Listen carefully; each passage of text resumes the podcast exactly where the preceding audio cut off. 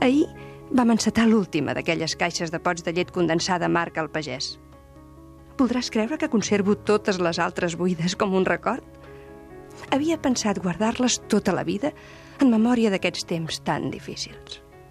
És clar que fan tanta nosa, les pobres. Un dia o altre hauran d'anar a parar a la llar. Però voldria, per cremar-les, esperar un dia que tu hi fossis. Cremar-les junts, aquestes pobres caixes que em fan sempre present tota la teva delicadesa. Qui sap, tal com van rodant les coses, qui sap si quan la sentirem espetegar alegrement entre les flames, asseguts tots dos en aquelles dues butaques de vora la llar, tu i jo ja serem marit i muller. Qui sap? Una cosa et dic ja des d'ara amb tot el cor. Que estic molt emocionada d'haver descobert, de cop i volta, que ets encara molt més delicat que no m'afigurava. El teu silenci de tants anys.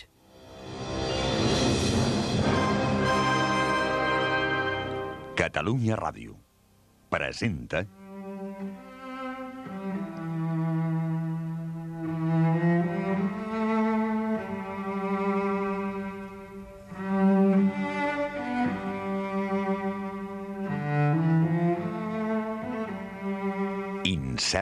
Glòria, de Joan Sales, en una adaptació lliure per la ràdio d'Oleguer Sarsenedes. Muntatge Ramon Albero. Direcció Juan Germán Schroeder.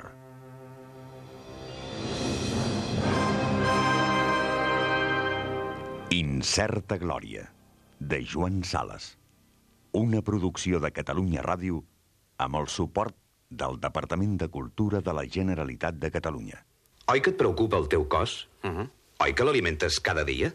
doncs escolta, tu ets el teu cervell. I el teu cervell també l'has d'alimentar. I molt. Dóna-li el millor que hi ha. Allò que té més aliment. Els llibres. Tenen vitamina A, B, C, D, E, F, G, i així totes, fins a la X, la Y i la Z. Alimenta el teu cervell. Llegeix llibres. Catalunya. Endavant amb la cultura. Capítol 34. L'ofici més digne.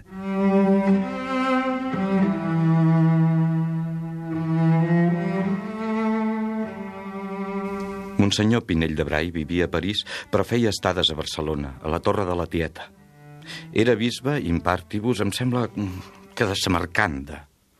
El recordo com si fos ara, movent-se entre els mobles Lluís XV del saló amb l'elegant indolència d'un gat d'Angora. Alt i prim, els seus cabells blanquíssims feien destacar la joventut de la seva fesomia morena, on els ulls tenien la confortable suavitat del caliu sota la cendra. Prenia, en aquell temps per parlar amb mi, aquell to condescendent en què ens dirigim a un nen que ja ha arribat a l'edat de raó. Jo tenia aleshores 12 anys. Era quan la tieta, per celebrar les meves bones notes, m'acabava de regalar aquell telescopi. La tieta l'escoltava com un oracle. Monsenyor Pinell de Brai era, en efecte, l'oracle de la família. La tieta, de qui era cosí germà, me'l posava sempre com a exemple. Jo em sentia orgullós de pertànyer a una família que el cel havia distingit donant-li un membre tan il·lustre.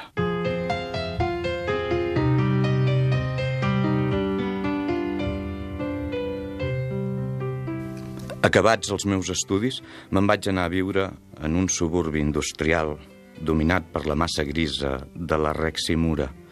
A la nit, les seves 400 finestres, sent per façana, semblaven ulls que escrutessin tots els racons de la barriada miserable on les barraques havien proliferat.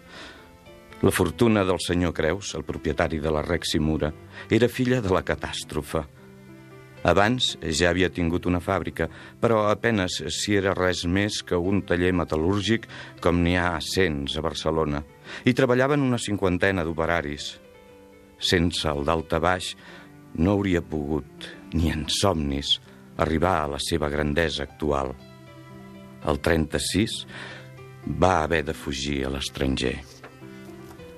Durant prop de tres anys, la seva fàbrica, adaptada a la indústria de guerra, va treballar pels rojos, com diu ell. No va ser pas col·lectivitzada pels anarquistes.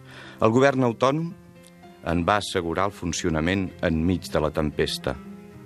Tornant de l'estranger, el senyor Creus, que ara es feia pronunciar Kreutz, la va retrobar utillada amb maquinària Skoda de l'últim model i engrandida amb quatre naus noves. No havia sigut altra vegada a la butaca de la gerència, la seva primera decisió va ser oferir substanciosos paquets d'accions de la Rex Simura a tres o quatre personatges a qui el seu sentit de la tàctica i l'estratègia havien conduït a situar-se a l'encreuament entre els preus oficials i els del mercat negre. El senyor Creus no va haver de trencar-se gaire el cap per dur la seva indústria, ja tan millorada amb la maquinària xecoslovaca, fins a una altura vertiginosa. Afegiu-hi una publicitat aixordadora. Els anuncis de la Rex Simura sorgien arreu, per art d'encantament. Uns cartells immensos, multicolors, sorprenents, formidables. És que el gran llibert Milmany hi havia ficat el nas és ell qui va suggerir que podien eixamplar els negocis amb la fabricació de productes químics destinats a l'envelliment de les senyores. Més endavant va comprendre que els nous temps permetien dedicar-se també amb profit al dels senyors. Agraït a la divina providència, el senyor Creus va decidir consagrar la fàbrica al Sagrat Cor. És més, va decidir fer del Sagrat Cor un accionista de l'empresa. Com que un accionista tan singular no podia assistir a les assemblees ni cobrar els dividends, fou convingut que un senyor Pinell de Brai el representaria.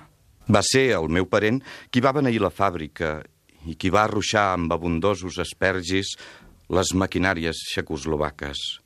A partir d'aleshores, Suarés i recepcions se succeïen en el castell dels Creus. Cal dir que els Creus tenien una filla que aleshores anava pels 15 anys. Pel seu aniversari, que s'esqueia a començos d'estiu, hi va haver una festa a l'aire lliure al parc del castell. El fort d'aquella festa havia de ser una batalla de flors en què, en comptes de confeti i serpentines, els convidats es bombardejarien amb lioneses de nata i de crema. La idea, segons un rumor persistent, va ser d'en Llibert Milmany, el geni de la propaganda. Sembla que es proposava jugar precisament amb l'escàndol per fer parlar de la Rex i Mura. Tothom a Barcelona va saber la història d'aquella bacanal de lioneses, quasi increïble, aleshores. Durant alguns dies no es parlava de res més, i fins la Soli es va creure en el deure de denunciar-ho. Jo havia vist rarament la filla dels Creus perquè no solien oir missa a l'església del barri. Una tarda se'm va presentar a la rectoria de la manera més inesperada. La seva mirada expressava estupor. Em mirava i no deia res. Parli, li vaig dir. Dels seus ulls fixos van rodolar dues llàgrimes. Mamá quiere llevarme a un médico de confianza. M'he escapado de casa. No l'arribo a comprendre. Vostè és jove, atractiva, immensament rica. No arribo a comprendre que ell tingui cap inconvenient eh, que... Son siete. Sí, siete. Les mans li tremolaven.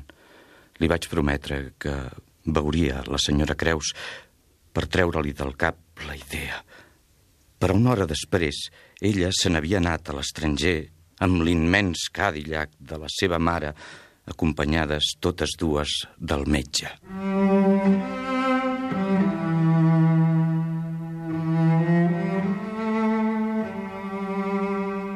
Passats alguns mesos, les recepcions fastuoses ja havien reprès el castell.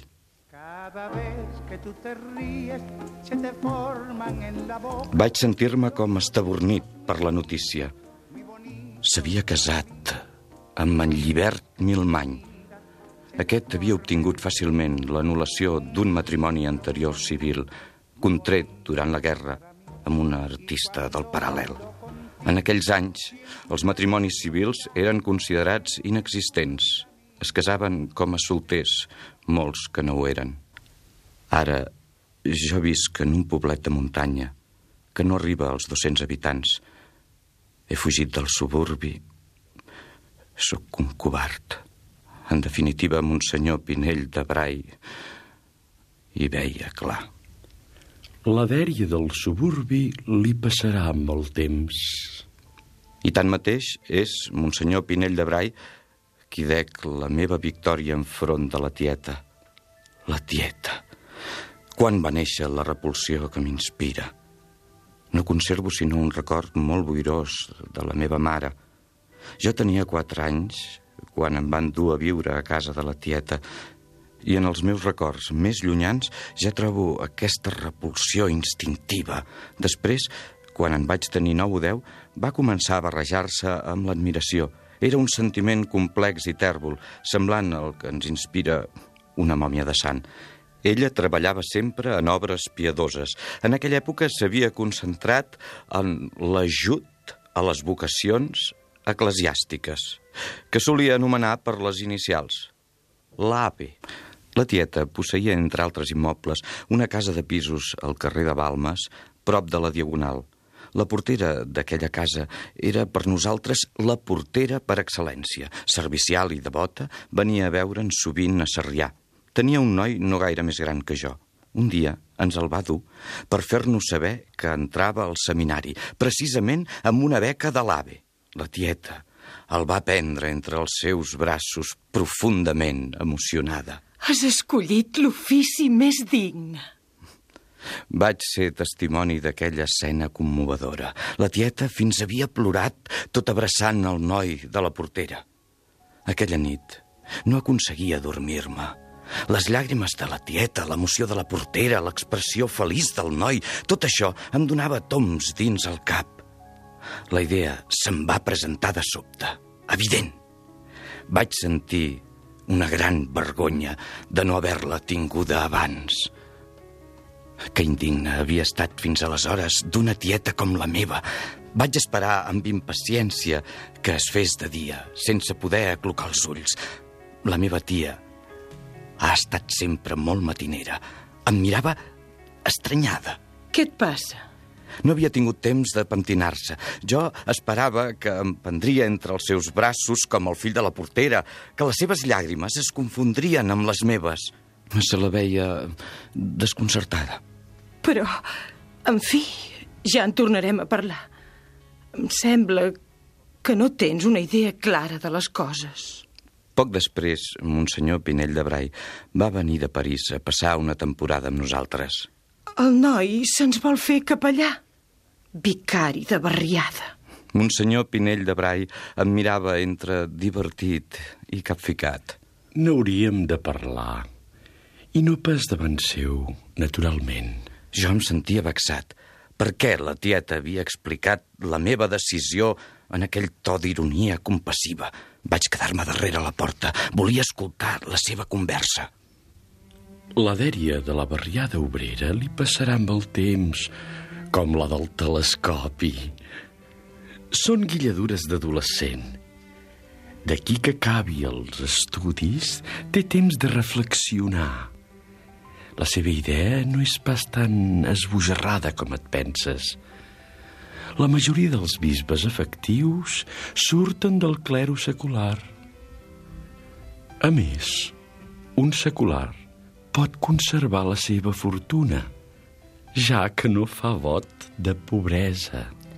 Hi ha coses més importants que la fortuna.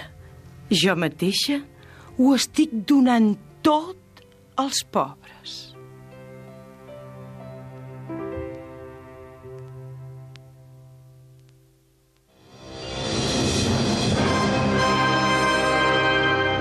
Heu escoltat el capítol 34 d'Incerta Glòria, de Joan Sales, amb les veus de... Cruells, Enric Major. Filla Creus, Maite Sadurní. Pinell de Brai, Ramon Teixidor. Tia Llúcia, Anna Frigola. Incerta Glòria, de Joan Sales. Una producció de Catalunya Ràdio.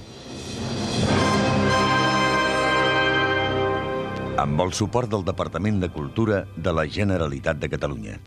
Oi que et preocupa el teu cos? Uh -huh. Oi que l'alimentes cada dia? doncs escolta, tu ets el teu cervell. I el teu cervell també l'has d'alimentar. I molt. Dóna-li el millor que hi ha. Allò que té més aliment. Els llibres. Tenen vitamina A, B, C, D, E, F, G, i així totes, fins a la X, la Y i la Z. Alimenta el teu cervell.